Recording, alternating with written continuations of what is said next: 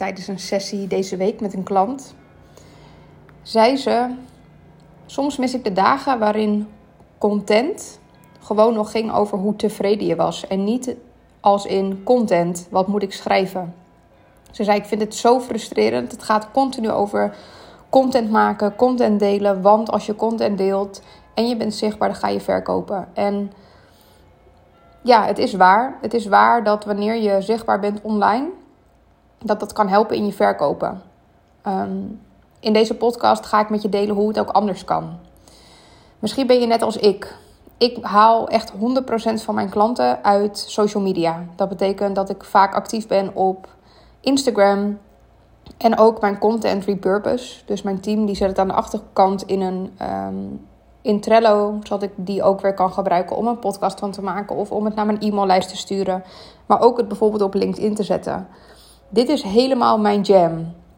En grote kans dat als jij aangaat op, um, op mij of ooit bij mij bent ingestapt of nu overweegt om in te stappen, dan komt dat niet omdat ik zichtbaar ben op Instagram, maar dan komt dat door dat wat ik schrijf, hoe ik het schrijf, wat ik schrijf en vooral wat dat bij jou raakt.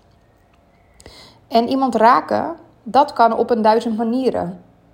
Dus mocht jij nu door een fase heen gaan en denken, of misschien niet eens een fase, maar gewoon überhaupt niks voelen bij het feit dat je continu online moet zijn, dat je posts moet schrijven om vervolgens te kunnen verkopen, weet dat het ook anders kan. De klant waar ik naar refereerde aan het begin van deze podcast, die zei: uh, Ik miste dagen waarop content nog content was. Waar we trouwens heel hard om hebben gelachen, maar dat terzijde.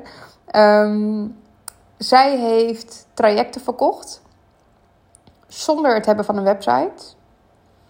Zonder dat ze ook maar één post op social media heeft gedaan. Instagram was niet haar ding. En ze wist niet dat het mogelijk was. Dit hebben wij samen in het traject. Uh, nou ja, dit was de conclusie. de conclusie was: ik word niet blij van schrijven. Sterker nog, ik blokkeer opschrijven, zei ze tegen mij. Ik ga zitten, er komt niks uit mijn pen.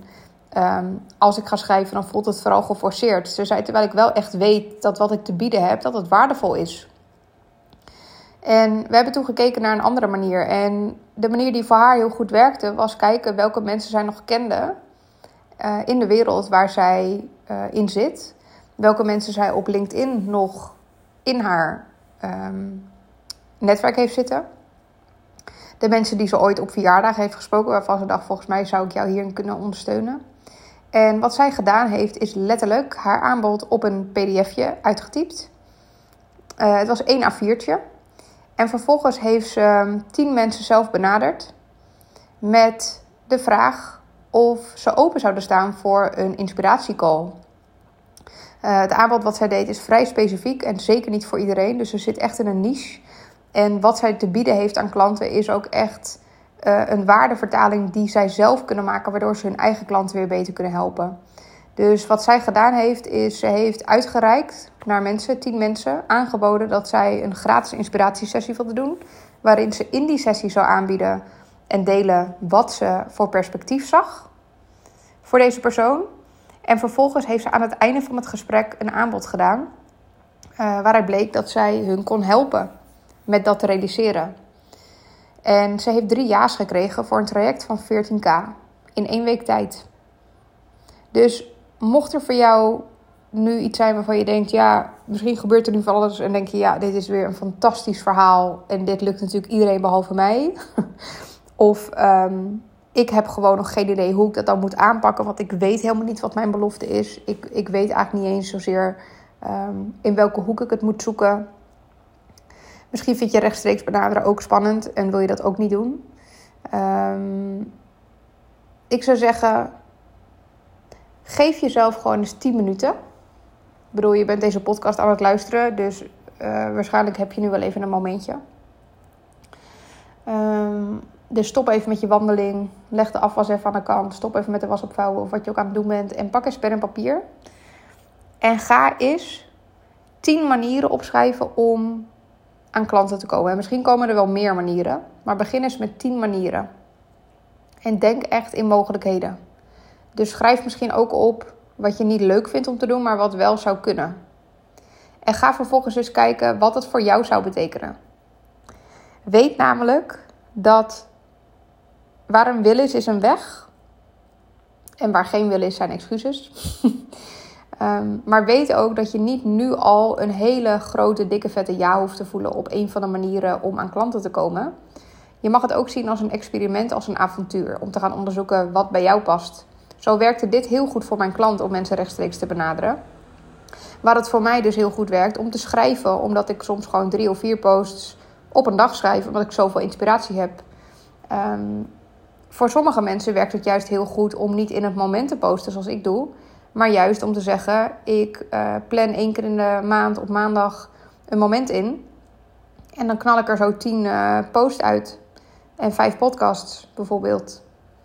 Ehm, misschien wil je helemaal geen post schrijven, maar alleen maar dingen inspreken en podcasts maken. En is de enige post die je schrijft een verwijzing naar de podcast die je weer hebt opgenomen. Misschien werken werk filmpjes voor jou veel beter. Of ehm, ja, een blog. Of ben je ook iemand die met mensen wil bellen? Of die graag naar zo'n netwerkborrel wil gaan die om 7 uur ochtends start? Er zijn 101 manieren. En de doorgang die ga je vinden op het moment dat je bereid bent om hem te vinden en om hem te onderzoeken. Dus check eerst de mate van bereidheid bij jezelf, of je echt enthousiasme voelt bij het feit dat je het gaat onderzoeken. En kijk dan daarna wat de mogelijkheden zijn. Natuurlijk kan ik hier een heel mooi brugje maken, ga ik ook doen. Mocht je het gevoel hebben dat je wel al lekker verkoopt, maar dat je het idee hebt dat, je, dat er nog veel meer in zou zitten.